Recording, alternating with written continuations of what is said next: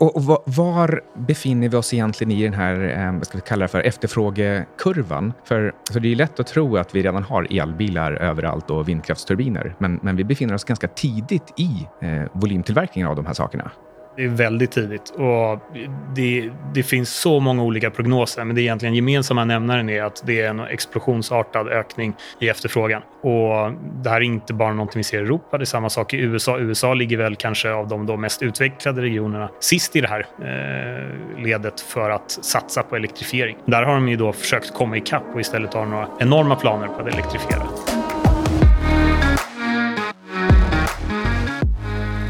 Hej! Du lyssnar på Antilop Podcast och eh, idag så har jag Carl Mikael Syding med mig Filip Koslowski som är VD för Leading Edge Materials. Tjena! Hej! Jag började titta på Leading Edge i höstas och eh, sen dess har jag följt upp eh, nyhetsflödet och gjort mina egna värderingar av vad som händer. Och eftersom jag tycker att det ser ut att finnas ett sånt enormt eh, icke uppskattat värde i det här bolaget, så, så vill jag prata med dig. Mm. Eh, du får ju inte själv egentligen kommentera så mycket om de här sakerna, men vad jag kommer att försöka göra det är borra in mig i en tidslinje hur man gör när man har sånt här råvaruföretag, där man går från själva marken och fyndigheten till till slut eh, kunder, intäkt och vinst. Ja. Um, som jag sa då, eh, Leading Edge Materials är ett av världens viktigaste företag. För ni sitter på fyndigheter av grafit som kan användas till batterier, bilbatterier för elbilar och även eh, sällsynta jordartsmetaller och särskilt då tunga sådana som används till elmotorer och vindkraftsturbiner. Allt det här behöver vi för en grön omställning. Um, hur skulle du själv vilja beskriva vad det är ni har just nu?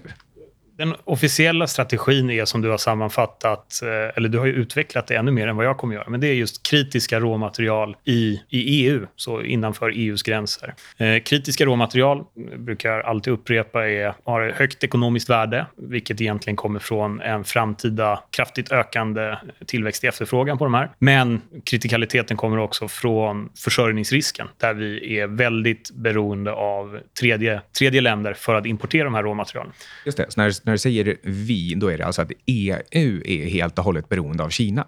Så är det. Och det är en, det är en officiell lista som EU eh, publicerar vart tredje år där man rankar då olika råmaterial baserat på de här två parametrarna. Så kommer man fram till de här är kritiska. Sen, sen är det där lite flytande för att som du säkert vet, koppar till exempel för elektrifiering är extremt viktigt och kanske inte är på den listan. Eh, andra material som cement, som vi alla upplevde förra året, visade sig vara ett kritiskt råmaterial för Sverige. Eh, så de här gränserna börjar suddas ut lite. Eh, pandemin liksom ansiktsmasker. Det, var en, det var, visade sig också vara en, en, kritisk vara. Så det hänger egentligen mer ihop med eh, värdekedjor globalt, en deglobalisering där man inser för att ha stabilitet, resiliens i våra ekonomier så vill man lokalisera mer av uppströms i värdekedjorna ja, där produktionen sker.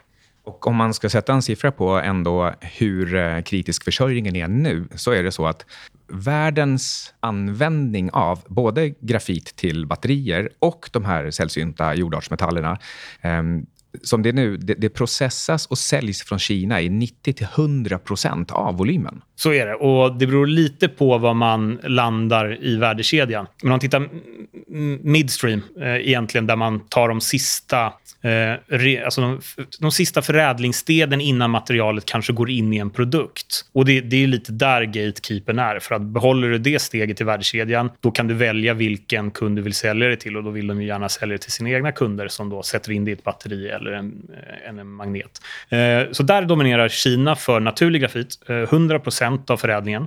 Så kommer det inte vara i framtiden, men där är vi idag. Ehm, och för magneter så är det då ehm, ungefär 90% till 95% för sällsynta jordartsmetaller. Då är det sista förädlingssteget och även på magnetsidan. Ehm, här har ju Kina på något sätt öppnat upp och har ett egen försörjningsrisk på sistone i och med att de har inte heller heller tillräckligt mycket av råmaterialen. Så att de är nu beroende till viss del på att importera råmaterialen för de här dominerande stegen nedströms i värdekedjorna. Där för grafit till exempel så eh, köper de jättemycket grafit från Afrika. Eh, de, eh, och sällsynta jordartsmetaller, framförallt de tunga, så lätta jordartsmetaller, har de väldigt mycket som biprodukter från sina stora järnmalmsgruvor. För tunga jordartsmetaller, så dysprosium och terbium, som är sällsynta, sällsynta jordartsmetaller, de importerar de till exempel från Myanmar. Så att, och, och det har varit ett problem under, under pandemin, när Myanmar har stängt sina gränser. Så nu har de också ett importberoende längst upp i värdekedjan, men de dominerar fortfarande nedströms, vilket gör, ta Made in China 2025, typ exempel. Kina ska gå från att vara en råvaruexportör till att producera faktiska produkter och exportera, eh, där Tesla nu från sin eh, fabrik i Kina ska exportera Model 3 till Europa. Och då får man ju fundera, var hamnar det ekonomiska värdet? Var hamnar jobben? Eh, Etc. Och, var befinner vi oss egentligen i den här eh, vad ska vi kalla det för efterfrågekurvan? För alltså det är lätt att tro att vi redan har elbilar överallt och vindkraftsturbiner. Men, men vi befinner oss ganska tidigt i eh, volymtillverkningen av de här sakerna.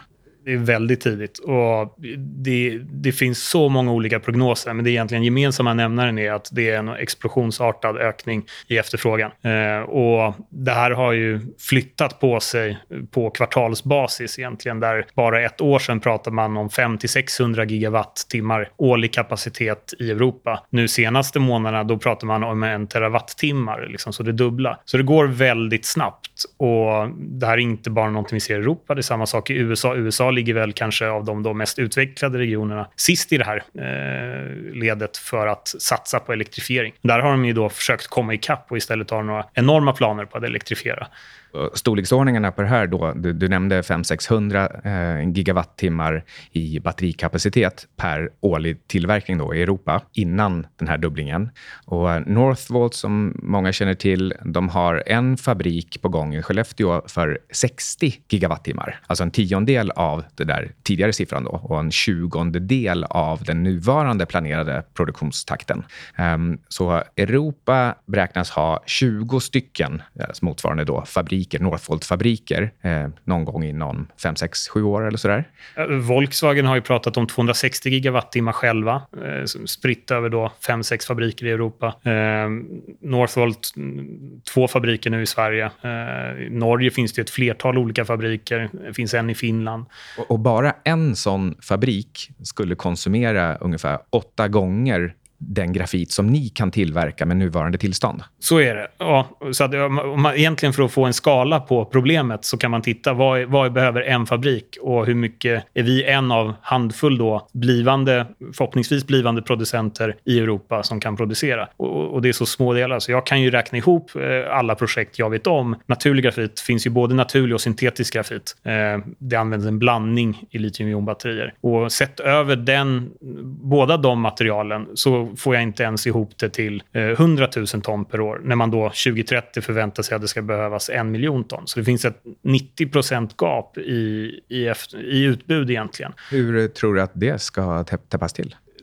Olika perspektiv på det. Så att, eh, det lättaste att falla tillbaka är ju att Europa kommer aldrig bli självförsörjande. Vi får importera det från andra regioner. Men liksom, man kan inte leva i sin bubbla i Europa. Samma sak händer ju i Asien. Samma sak händer i USA. Och om alla säger att vi ska importera det här materialet någon annanstans ifrån, ja, då, då, då är det lite huggsexa. Men alltså, glöm aldrig, i råvaruindustrin så handlar det om... Det är en väldigt cyklisk bransch. och lite eh, utbud och efterfrågan är dynamiskt. Och det andra är egentligen vad får du för pris för materialet? Och får du mer betalt för det materialet så är det såklart att det kommer komma nya projekt som öppnar eh, grafit som eh, råmaterial inte så svårt att hitta i backen. Det finns lite överallt. Det är egentligen eh, det är kol då, i, i, en annan kristallin form. Eh, så det finns lite överallt. Men det man för oss som är då en relativt med potential att bli producent i närtid så kan ju vi fortfarande adressera det här supply gapet i, i, i midterm där det kommer ta tid och pengar för de andra att starta upp. Och sen så balansera och där under tiden så kan man förhoppningsvis få ett väldigt högt pris för sitt material. Men om, då ska jag gräva lite i timelinen för, för er eh, kolgruva som jag då sitter här med. Gräv på. Eh, eh, vad är eh, nästa steg? Alltså, vi, vi, vi, har lite batterifabriker både i närheten i Sverige och en del på gång i, i resten av Europa. Det är liksom ändå närliggande. De behöver, som jag sa, många gånger mer än er ens liksom, teoretiska produktion. Så, så, så vad tar ni för steg nu? Hur ser grafitfyndigheten ut just idag? Först bara för det här med, med kol, att det är en kolgruva. Jag har sett att det finns en del kritik från folk som de mot, liksom är emot elektrifiering som säger att ja, nu ska vi ersätta fossila bränslen med kol i batterier. Det finns ju en, en, en väldigt stor skillnad. Liksom, grafitet i batteriet det är ingenting vi bränner och eldar upp utan det sitter ju i batteriet och om och om igen genererar elektricitet. Det är väl där bland annat för att det är så tåligt och uthålligt och, och liksom inte förbrukas. Exakt, men det, det, går ju att bränna också under rätt förutsättningar. Men så att våra tidslinjer, vi, vi har den här grafitgruvan som är en relativt unik sits för det finns inte så många byggda eh, och tillståndsgivna grafitgruvor i västvärlden. Och varför är det så? Nej, men Kina konkurrerade ut så att Kina expanderade enormt sin grafitproduktion på då under 90-talet och vilket sänkte priserna globalt, eh, vilket gjorde att grafitgruvor som var i produktion runt om i världen, de stängde ner. Det var, fanns liksom inget sätt att konkurrera med Kina på eh, pristermer. Och varför kan Kina producera så billigt? Eh, ja, extremt mycket lägre miljökrav etc. Och, och med andra fördel, alltså faktorer som har gjort, mm, drivit deras tillväxt historiskt. Så att den här grafitgruvan byggdes i mitten av 90-talet, producerade gravitkoncentrat då, som är det första förädlingssteget där man höjer kolhalten från, runt, i vårt fall, runt 9% till ett koncentrat som har 90-95% kolhalt. Och det här säljs då som en industriell, industriellt mineral, eh, material som används i till exempel stålbranschen. Etc. Så den här gruvan producerade fram till 2001 och sen så stängdes den ner för att det inte var lönsamt längre. Sen så lämnades den eh, och eh, tills vårt kanadensiska bolag köpte den 2011. Eh, då var det igen sån här boom i den här förra eh, eh, supercykeln för råmaterial som var drivet av Kinas efterfrågan. Så stålbranschen var eh, extremt het och behövdes mycket grafit. Så då gick priserna på grafit upp till kanske 2500-3000 dollar som mest för då det här traditionella grafitkoncentrat. Och då var det många som letade efter grafitfyndigheter och startade upp och likaså gjorde vårt bolag. Och man investerade pengar i att då renovera, få upp den tillbaka i, liksom, i ett skick där man kan producera och öppna den under våra tillstånd i Sverige. Eh, och man började producera lite 2014, men då kommer den här cyklikaliteten in igen, där priserna gick ner igen. Och det här är då för den typen av material som har väldigt korta eh, utbuds efterfrågecykler. Eh, och eh, då satte man produktionen på stopp och så tittar man, men okej, okay, vad kan vi titta på för annan typ av material eh, som har ett högre värde, har lite mer stabilitet, som har längre cykler? Och då, precis då började det dyka upp med grafit för batterier. Och man började titta på vad behöver vi göra? Vilka steg ner, nedströms behöver vi göra för att ta vårt grafitkoncentrat, uppgradera det till det som då kallas ett anodmaterial. Och det har vi pysslat med sedan dess, eh, kommit eh, ganska långt. Vi har hållit på med det här längre än många andra eh, till, det, till där vi är idag då, eh, egentligen med vår scopingstudie vi annonserade förra året, där vi samlade ihop de, den tekniska utvecklingen som har skett de senaste åren för att göra en affärsplan i egentligen. Så affärsplan från marknadsperspektiv och ingenjörsperspektiv. Hur kommer anläggningarna se ut? Och så lägger ingenjörerna på då, okej, okay, vad är den associerade kostnaden med det? Liksom, vad är det för capex? Vad är det för opex där? Och i slutändan, vad kan man förvänta sig? Vad är det förväntade nettonuvärdet av den planerade produktionen? Och det är en, typ, liksom, det är en så här, trestegsraket som vår typ av bolag väldigt ofta använder. Man gör en preliminär lönsamhetsanalys. Sen gör man en eh, pre-feasibility study som är då en eh, genomförbarhetsstudie eh, innan den riktiga bankable feasibility study. Och man går igenom alla de här stegen. Eh, man smalnar av konfidensintervallet kring eh, eventuella då osäkerheter, vilket ger ett högre konfidens hos investerare i vad faktiskt värdet är potentiellt att bli. Och sen kommer man till en punkt när man reser projektfinansiering, vilket innebär då att man bygger anläggning och sen kommer man i, i produktion. Det och sen så tillsammans med det joint venture vi gjorde med det australiensiska bolaget som eh, inte var helt självklart, men eh, av vissa strategiska skäl så passade det ganska bra in. Så att vi, vi är ett, från grunden så är vi ett prospekteringsbolag, men som har liksom gått till att bli ett prospekterings och gruvbolag, för vi har den här grafitgruvan. Och sen så tar man ett steg framåt igen, där man är ett eh, materialbehandlingsbolag, alltså ett materials processing company, Eh, och nu i senare tid även då ett batterimaterialbolag. Så vi kan, vi kan materialhantering, materialförädling, men när man kommer in på sån här Eh, elektrokemi och sånt så har vi saknat lite av den kompetensen. Som är, så vi möts lite i mitten där de kommer med de smarta människorna i vita rockar som har suttit på universitet i tio år och tagit fram patent och intellektuell, eh, immateriella rättigheter och sådär kring, kring den biten. Ja, det blir lite spännande. Om man, först ser man framför sig de här eh, smutsiga kolgruvearbetarna som, som skeppar iväg det här till stålindustrin som då bränner det här för att skapa bästa bästa möjliga stål. Eh, och, och, och, den produkten, ja, då kunde den vara uppe i 2-3 tusen dollar per ton. Men, men nu så är den någonstans eh, 1000 dollar per ton när vi liksom inte är i den här liksom super, superhåsen för det materialet. Eh, och, och, och då finns det då en, en, en metod för att först eh, raffinera det här.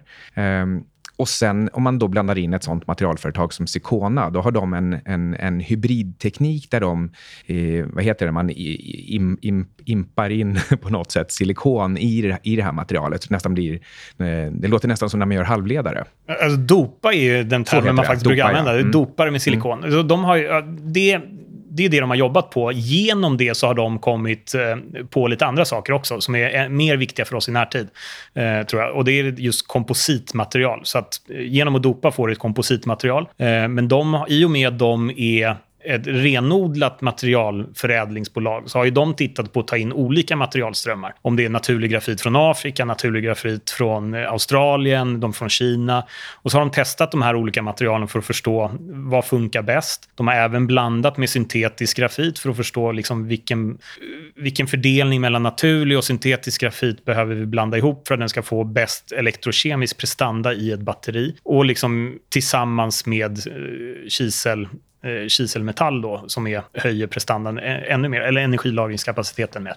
Eh, så de har den där erfarenheten, vilket för oss, eh, ännu en sån strategisk möjlighet med dem, är ju att vi får, kan få en annan skala. Så att eh, den här scopingstudien visade på att vi kan under vårt nuvarande tillstånd, eller med ett nytt tillstånd i Voxna som då tar höjd för totala kapaciteten på anrikningsverket, eh, vilket är 60% mer brytning än vad vi har idag under vårt nuvarande miljötillstånd. Då kan vi producera ungefär 7500 ton per år av anodmaterial. Eh, och där blandar man de 7500 tonnen med 7500 ton syntetisk grafit till exempel. Eh, där man då tar in syntetiska grafiten som insatsmaterial, men förädlar den genom kompositen och säljer då en färdig produkt som batteriproducenterna, det man brukar säga, har som en drop-in-lösning. Att de får sitt anodmaterial färdigt i påsar, det går in i deras roll-to-roll-produktion och så har man färdig batteri. Så då har vi plötsligt en, en, en större business och med det här då nästa generation av kisel anodmaterial så skapar det en, liksom, eh, en, en, framtid också för bolaget som vi inte hade haft på egen hand. Och, och priserna vi kan, kan prata om, det är om vanlig flakgrafit kostar 1000 dollar per ton så kan det här kosta 15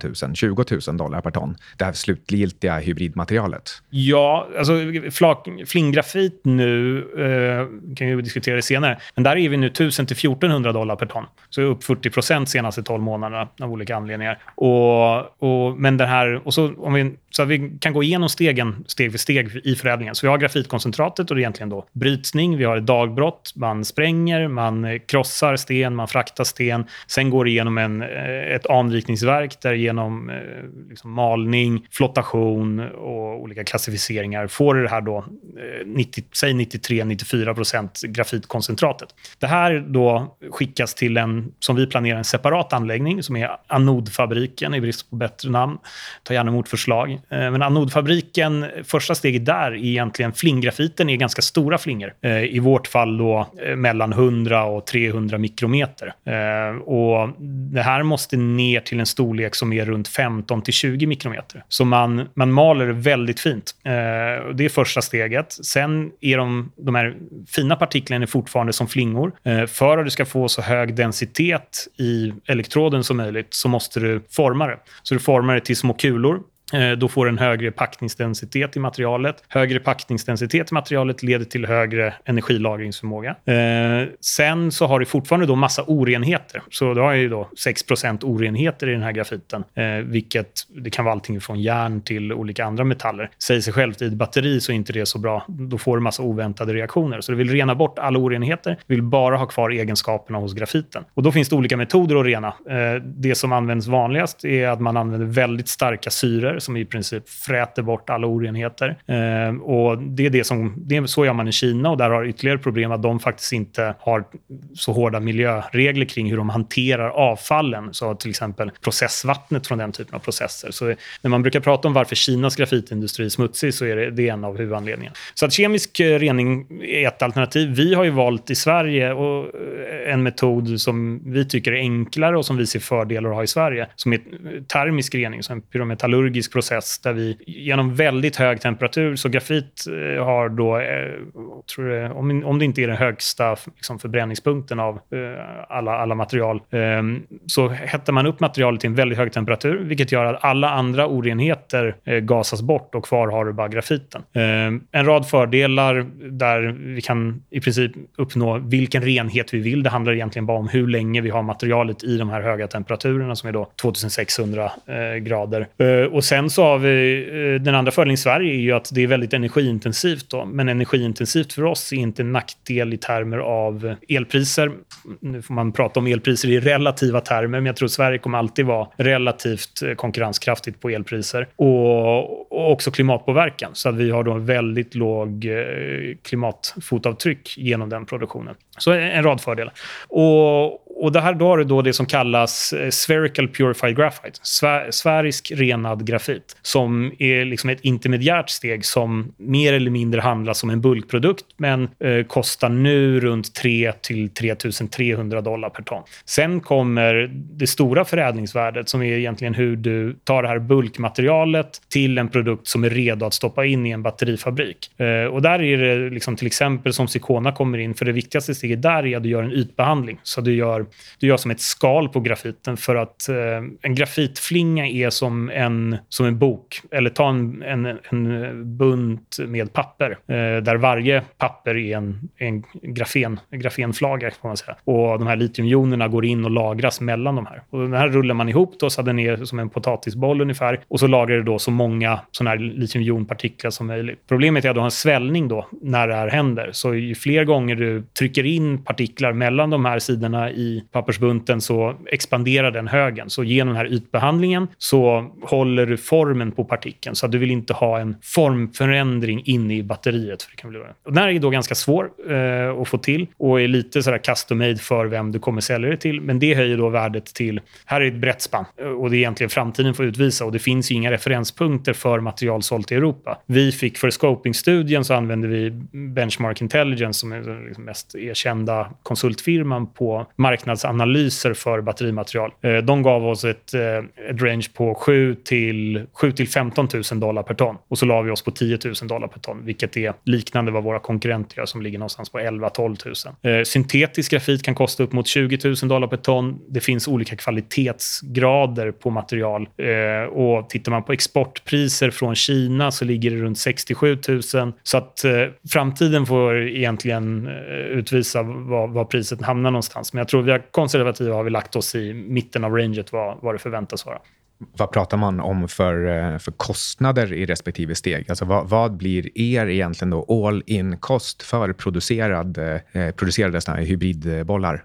Nu, ska jag, ja, och nu borde egentligen kolla Scopy-studien exakt för, för att referera. Men mellan 3 000 och 3 500 dollar per ton. Det är efter en, vi får en credit från eh, en biprodukt som är en mikroniserad grafit. Eh, som när man sferoniserar så får man material som man inte behöver. Det blir fantastiska bruttomarginaler lite för bra för att det ska vara sant. Så att liksom långsiktigt så kan jag absolut se att det finns en, en prispress. Eh, men fram tills att utbudskapet täcks, då är man ju liksom inte price taker på det sättet, utan vem är det som vill ha det här materialet? ja, men särskilt om det är i Europa, eh, som när du räknar nu på befintliga projekt, så, så saknas det 90 procent. Det, det, ja, så, så det, det, känns som att priserna borde kunna hålla sig hyggligt ett, ett tag till i alla fall. Ja. Och, och, det kommer en massa andra grejer. Ta till exempel Carbon Border Tax. Eh, räknar man koldioxidavtrycksskillnaden på vårt... Vi har ju publicerat en ISO-compliant eh, life cycle assessment eh, just för att påvisa en av våra starkaste konkurrensfördelar. Vi i Sverige med den energiförsörjning vi har. Eh, och då är vi nere på 1,7 eh, ekvivalenter av koldioxid per då, eh, produkt. Och motsvarande i Kina ligger då 16 till 20 mm, Så 10 gånger högre? 10 gånger. Men i absoluta termer, där, ta de där då, säg att det är 15. Och nu vet jag inte var utsläppsrätter handlas nu idag, men jag vet att många företag använder 100 euro per ton. Då är 15 då ekvivalenter gånger 100 är 1500 euro i prisskillnad bara i koldioxidavtrycket.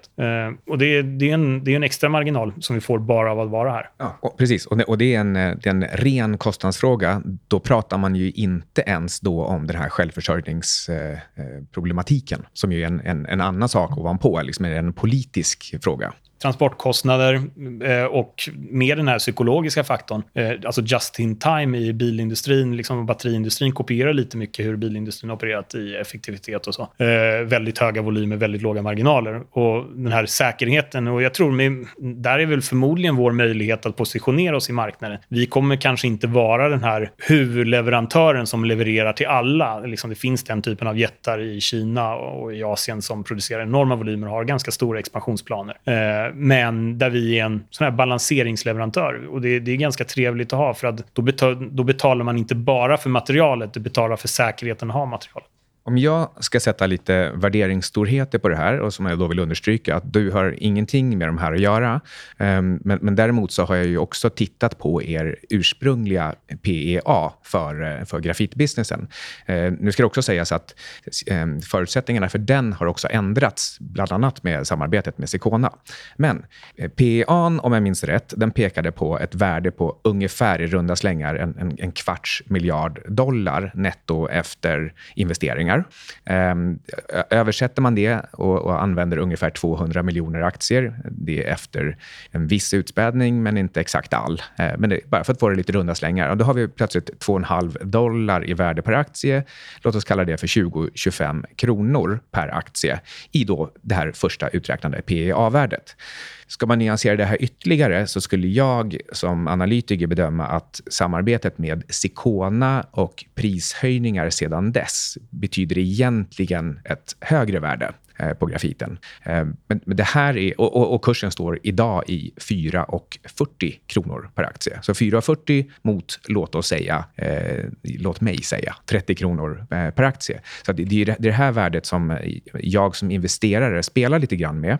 Eh, men den stora frågan för mig det blir då vägen från, från 4,40 till 30. Vad är det för, ehm, för olika steg som ska komma under tiden? Eh, och, och då har ni eh, pratat om ett, eh, ett memorandum of understanding angående ett JV, joint venture, med Secona.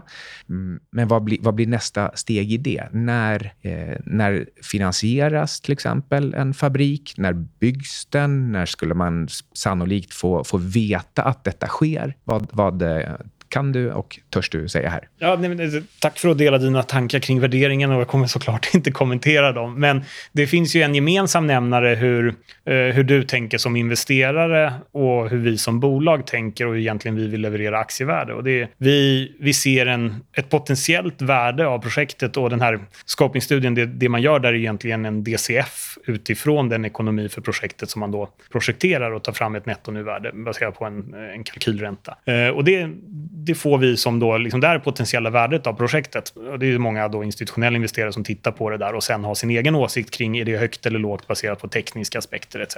Men för oss som bolag har vi, ja men det är vår då, då har vi en målbild i framtiden. Det här är potentiella värdet. För att leverera värde till våra aktieägare så är det ju att eh, avriska det värdet eh, allt eftersom. För ju, ju högre sannolikhet det är att uppnå det värdet, eh, desto hör, liksom, mer avkastning får aktieägare. Så så tänker vi. Och konkret då, vad är det stegen fram till dess. Vi, och det är möjligt att man tänker att inte vi presenterar så mycket nyheter och så här, men eh, en del av det här med, eh, man ska inte, joint venture med, eller MOU, eller Heads of Agreement, vad man vill kalla det, non-binding med Sikona. Eh, det är någonting vi vill göra, någonting vi vill få till, men man får tydlig med att det inte är säkert att det blir av så, då fortsätter vi på egen håll.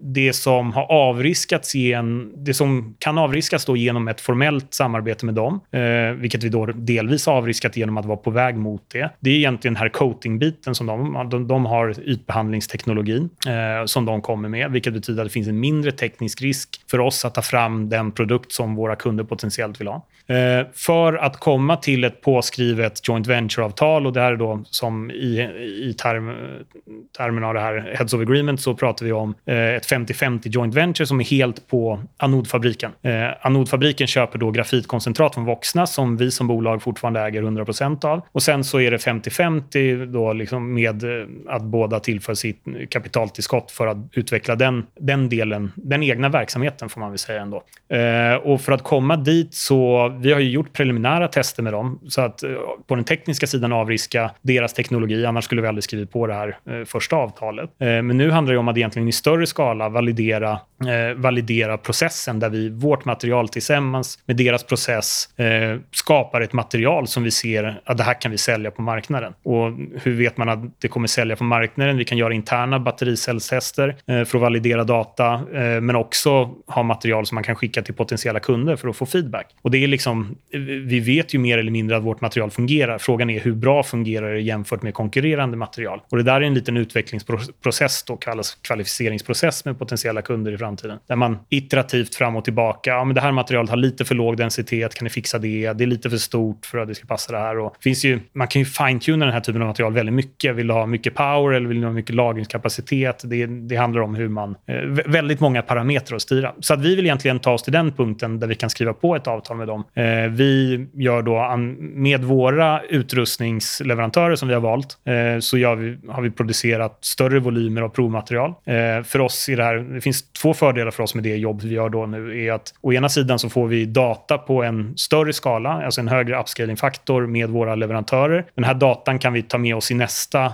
steg av tekniska studier. Eh, och, och man testar lite nya parametrar baserat på tester man har gjort tidigare. Så att från vår sida, de leverantörer vi har valt att arbeta med, testar vi materialet och då får vi ett provmaterial som vi sen kan skicka till Sikone i Australien som har en pilotanläggning för sin del av processen. Och då skapar de sina då produkter eh, i slutändan med vårt insatsmaterial. Och så gör vi de här interna testerna och sen skickar ut lite prover till olika kunder för att se vad de tycker om det här materialet. Och då, där, där får vi då ett konfidens att nu går vi vidare med det här, nu skriver vi på, förhandlar om exakta detaljer i det avtalet. Eh, och där har vi en stor milsten. Så det här är någonting som kommer materialisera under våren. Eh, sen eh, med det här joint venture så fort det är påskrivet och det hade vi i vår pressrelease. Första planen där är ju egentligen att göra en genomförbarhetsstudie, eh, få se vilken typ av säkerhetsnivå man gör det på, men för en demonstrationsanläggning. För att vi vet att med de, med de mängder material vi kan producera nu, som vi, som vi håller på med nu, då måste vi bevisa för våra kunder att vi kan skala upp det till nästa uppskalningsfaktor. Så där pratar vi om 500 ton per år av en demonstrationsanläggning. Och det är egentligen inte, man kan ju prata om alltså labbskala, pilotanläggning, demonstrationsanläggning.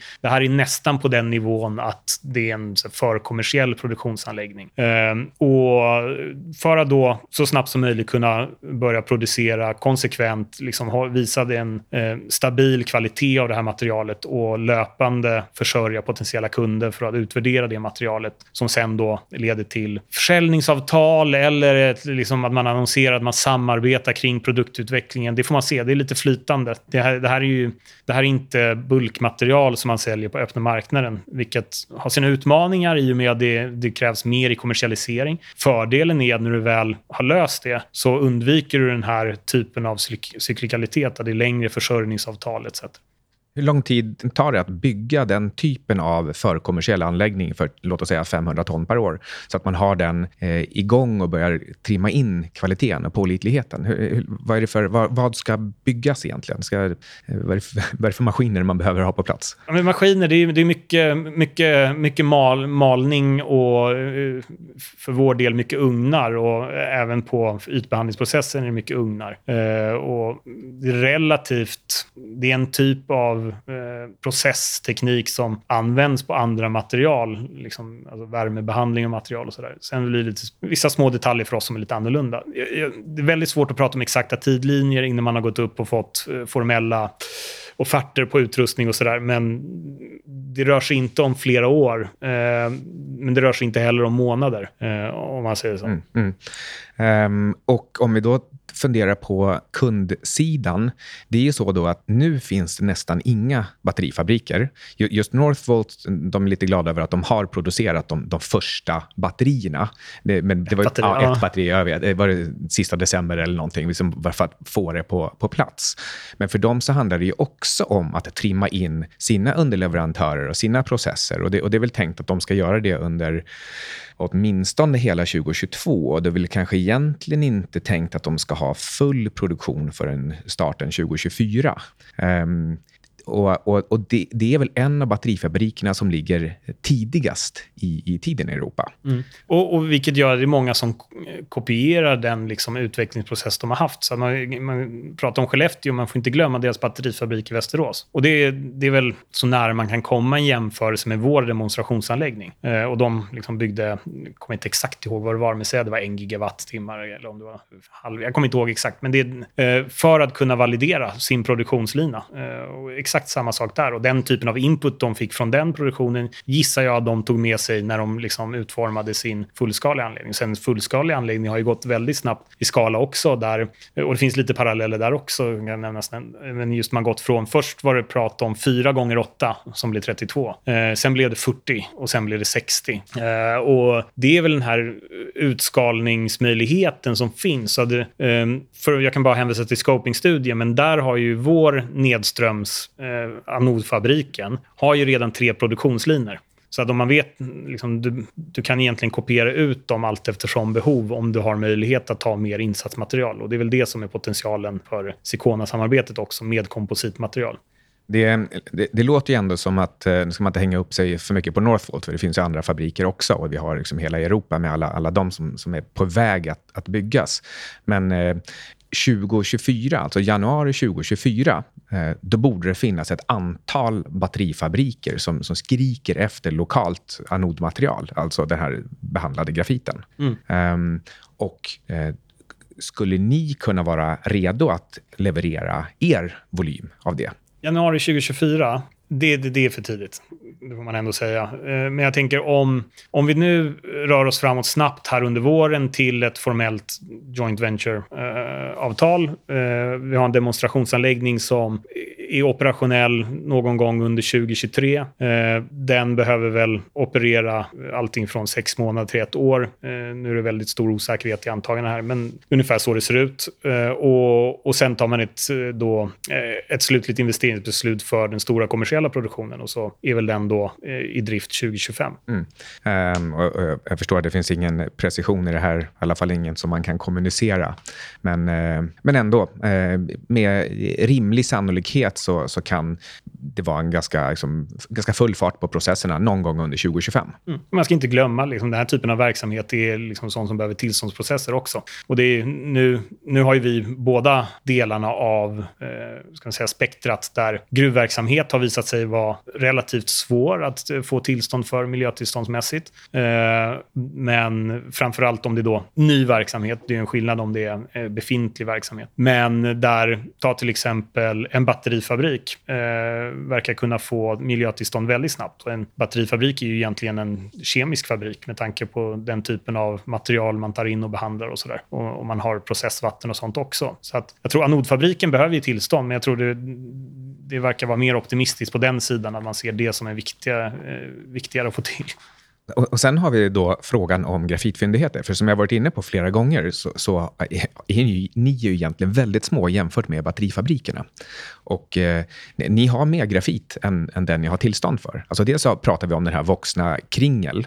Det, det är den som ni har tillstånd att ta upp, 100 000 ton liksom råmaterial ni skulle vilja ta upp 160 000, eh, men det kräver ett extra tillstånd för de sista 60 000. Men sen har ni tre stora fyndigheter till som är tillsammans ungefär tre gånger så stora som, som kringel, eller någonting sånt? Ja, och, så kringel, kringel är ja, precis en fjärdedel av, de total, av den totala mineralresursen vi har. Mm, mm. Och där vi ligger i egentligen ett, ett mineraliserat stråk på ungefär 40 kilometer. Så de är, de, är liksom, de är nära varandra, men inte jättenära och det finns eh, utrymme däremellan. Så att, eh, det, finns, det finns undersökningspotential för att försöka hitta mer. Vi har sagt att eh, för vår skala nu så har vi tillräckligt mycket malm då i den ena fyndigheten för 15 år på den här produktionstakten. Och, och så har vi tre gånger till någon annanstans i, i närheten. Så, att, mm. så det handlar egentligen mer om potentialen för er som ett, som ett riktigt långsiktigt företag. Eh, jag som investerare kan ju egentligen då fundera på värde och produktion och, och vinster och sånt eh, fram till eh, 2025, 2026 om jag vill, så att liksom saker och ting är i full gång. Och då när det här är ett större företag, då kan ni börja titta på de här andra tre och hoppas på tillstånd och sånt. Ja, ja. och de har bearbetningskoncession. De har inte miljötillstånd, men de har bearbetningskoncession. Okay. Och det betyder? Eh, det är egentligen, vad är den formella termen? Och där har ju varit lite flytande på senare år. Men det är att man får Alltså Bergsstaten ska bevilja bearbetningskoncession om, eh, om det finns en rimlig möjlighet att starta upp gruvverksamhet eh, lönsamt inom 25 år. Eh, det är liksom ett sånt kriterie. Och, men för oss som bolag, vad innebär det? Jo, men det betyder att vi har exklusivitet till den fyndigheten närmaste 25 åren och kan då motivera att investera mer i att eh, undersöka start av produktion från den fyndigheten. Mm. Och vad man gör då, det är egentligen att, eh, som sagt, då, ni undersöker och ser vad ni egentligen har där för någonting någonting, pratar eller skissar upp planer på hur man i sådana fall skulle ta upp det och vad det är värt. Och sen begär man brytningstillstånd? Eller? Nej, Nej, Det, finns, det finns ingenting som heter brytningstillstånd per definition. Ehm, du söker undersökningstillstånd. Ehm, sen så söker du då miljötillstånd för då eh, miljöfarlig verksamhet som i princip det klassas bara av automatik, eh, gruvverksamhet. Ehm, får du miljötillstånd så kan du då ansöka om en markanvisning, vilket betyder att du faktiskt får ta marken i anspråk sak. Eh, och sen behöver du bygglov för att bygga saker också. Eh, så att, skulle man säga, markanvisning, miljötillstånd och bygglov tillsammans blir väl lite brytningstillstånd, kan man mm. säga. Ja, okay. Um, ehm, och det är ju en kul grej för framtiden, men, men, men då skulle jag på lång sikt kunna skala upp mina 25 kronor till 100 kronor för grafitverksamhet. Det är ingenting du behöver svara på. Ehm, men det är så jag tänker. Ehm, vi glömde ju, Filip, prata om den här återstarten av eh, grafitgruvan. Ni skickade ut ett pressmeddelande bara häromdagen. Vad är det som händer i Kringel just nu?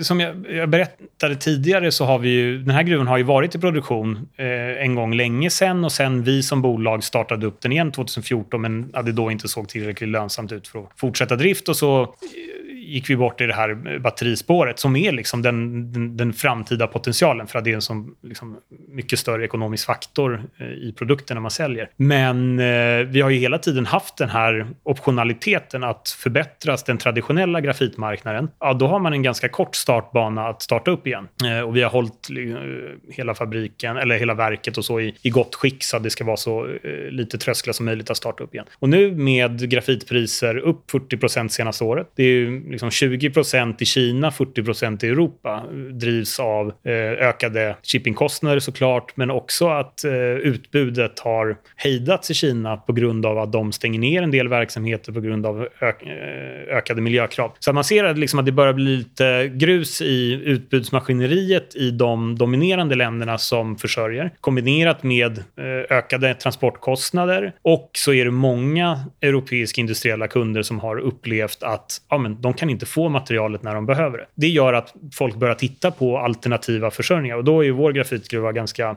bra positionerad. Så att eh, vi tittar nu egentligen på att vad innebär det i exakta tidslinjer? Vad, vad är tidslinjer för oss? Så vi har några sådana här eh, uppgraderingar vi vill göra i anrikningsverket för att, för att ytterligare höja kvaliteten på eh, grafitkoncentratet. Eh, och sen eh, liksom kommunicera lite med potentiella kunder och se vad efterfrågan är och vad man kan kan få för pris av materialet. Och det är väl eh, framförallt två saker som är riktigt spännande med det här. Det ena är att ja, gruvan måste ju vara igång för att ni ska kunna sälja det här sen för att tillverka eh, aktivt anodmaterial också. Så att det, liksom, det är bra att få komma igång med själva grafitproduktionen, se till att allting är intrimmat.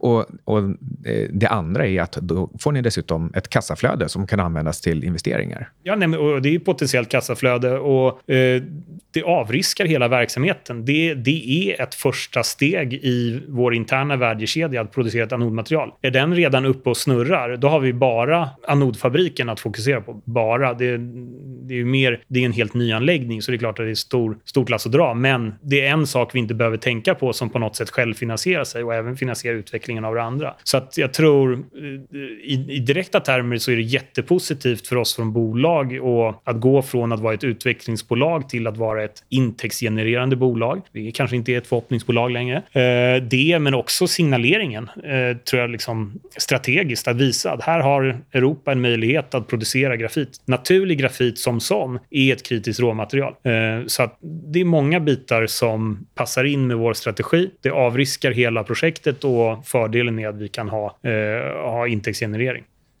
Kan man eh, sätta lite siffror på det här? Hur mycket färdig grafit är det ni egentligen kan producera? Alltså som, som är det som säljs till de här 40% högre priserna. Alltså hur många ton är det per år? Ja, och det, det liksom i mång, många faktorer att ta hänsyn till. Eh, till viss del kan man förlita sig på scopingstudien från förra året. För scopingstudien tittar ju då på full produktion, så alltså utöver vårt nuvarande miljötillstånd av 160 000 ton per år, eh, vilket då resulterar i ungefär 14 14-15 000 ton per år grafitkoncentrat. Eh, nuvarande brytningstillstånd, eh, miljötillstånd är 100 000 ton per år och så har vi en grafithalt på ungefär 7-9 procent beroende på vad man bryter. Så att eh, i, i runda slängar 8-9 tusen eh, ton per år av grafitkoncentrat. Eh, och, Om man tar man 10 000 gånger 1000 så det är 10 miljoner dollar per år i intäkter grov överslagsräkning så stämmer det absolut. Och så nu är Europaprisen och det är, som grafitkoncentrat säljs ju på andra parametrar än anodmaterial och där pratar man ofta om flingstorlek och eh, grafithalt i, i, i dem. Och priserna är ju väl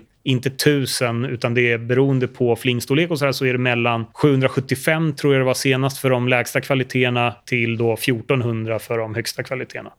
Mm. Um, jag kör vidare på 10 miljoner dollar per, per år i, i överslagsräkning. Men visst, eh, 7 till 14 då kanske, eller till, kanske till och med ännu, kanske något litet snäpp lägre än, än så, 6 till 12. Mm. Um, men det, och det är ju definitivt en, en betydande intäkt för, för er. Ni har, ni har några, några några miljoner dollar i reservkapital som ni har fått in från teckningsoptioner till exempel. Mm. Och där kan vi få in mer också. Så att en del av den här övningen vi gör nu det är att titta de här uppgraderingarna och en, i en uppstartsfas så behöver vi rörelsekapital också. Så att vi, vi har ju eh, hur finansierar man den uppstarten mest effektivt? Vi har ju den här fördelen att vi har optioner och varanter, ungefär 50 miljoner totalt, som vi kan få in 8 till 10 miljoner Kanadadollar eh, beroende på vad aktiekursen är. Men en, en, stor del av dem är på väldigt låga nivåer och ägs av storägare som liksom fortsatt ser, sist jag hörde så tycker de att bolaget är undervärderat och då eh, ser väl de det som ett effektivare sätt att finansiera den typen av investeringar genom att exercisa optioner och varanter än att eh, späda ut sitt ägande. Mm. Uh, och, och um, Vad kan man säga om, vet ni någonting ännu om, om eh, all in kost för att uh, få upp grafiten och behandla den till det som ska säljas? Um, pratar man om kanske halva, eh, alltså kostnaden är ungefär hälften av försäljningspriset. Är det runda slängar okej? Okay?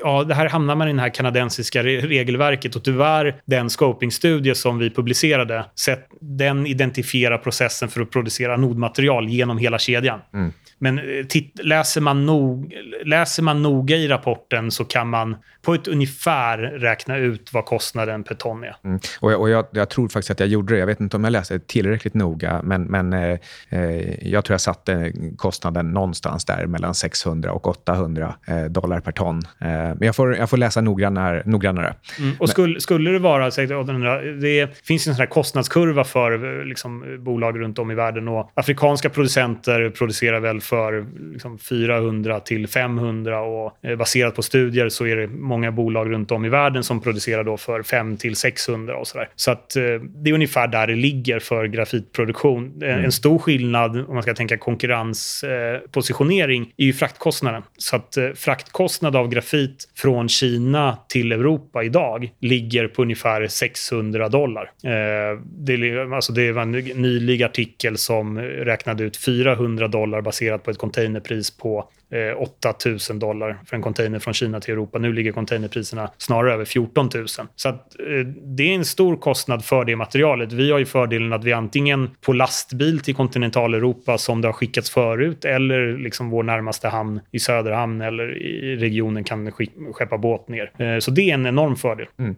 Ehm, och återigen, då, du behöver förstås inte kommentera de här siffrorna, men, men för mig i huvudet så blir det att ni kan få in eh, en intäkt på 10 miljoner dollar per år, varav ungefär Ungefär 5 miljoner dollar är eh, ett överskott. Eh, ni har dessutom ehm, någonstans eh, 5-6 eh, miljoner dollar i, i, eh, i, i US-dollar då, eh, i, i kapital om, om teckningsoptionerna används. Eh, och då finns det, ja, men då finns det om, om ett år så finns det 10 miljoner US-dollar över för investeringar på grund av de här kassaflödena. Ja, givet då förstås att, att, att ni drar igång den här operationen. Så ja, som aktieägare så tycker jag att det känns tryggt. Men eh, som sagt, det kan inte du säga någonting Ingen om. kommentar. vad... Eh, det är du som är finansanalytiker. vad, vad eh, eh, är det något mer som du vill lägga till om just den här eh, potentiella omstarten av grafitproduktionen? Nej, det, är, det här är ju liksom in, ingenting som kommer ta lång tid att kommunicera. Det här är någonting vi tittar på i närtid. Fördelen är att komma så snabbt till marknad som möjligt. Så det är ett prioriterat område och eh, vi, vi kommer uppdatera allt eftersom här närmaste månaderna. Ja, verkligen. Jag ser fram emot en spännande eh, fortsättning på 2022. Jag tänkte avsluta med bara att understryka här att eh, det här är inte på något sätt någon, någon, eh, något samarbete mellan Antiloop och Leading Edge Materials. Du är här för att jag tycker personligen att det är ett superintressant bolag i en kritisk industri. Alltså precis som det, det ni själva definierar som er, som er verksamhet. Alla typer av värderingar och sånt där, det ska inte inte ses som någon som helst rekommendation. Vi har ju en disclaimer, generell disclaimer också, men jag vill i det här fallet när vi har pratat så mycket och så länge och jag har pratat om liksom olika typer av värderingar, verkligen understryka att det är så. Jag äger dessutom aktier i Leading Edge Materials och det gör ju du förstås också som, som vd för företaget. Ja, men då eh, tackar så himla mycket Filip Koslowski från Leading Edge Materials för att du ville komma hit. Tack, tack. Då har du lyssnat på Anti Lulululu. Du har lyssnat på Antiloop Podcast som produceras i samarbete med Vexatom Media. Ingenting som du har hört i det här avsnittet har varit någon form av rekommendation och alla placeringar är förknippade med risken att förlora hela eller delar av ditt kapital. Glöm inte att prenumerera i din podcastapp och lämna gärna en recension så hjälper du oss nå ut till fler lyssnare. Mer information om Antiloop hittar du på antiloophedge.com. Där får du även tillgång till Antiloops senaste memos.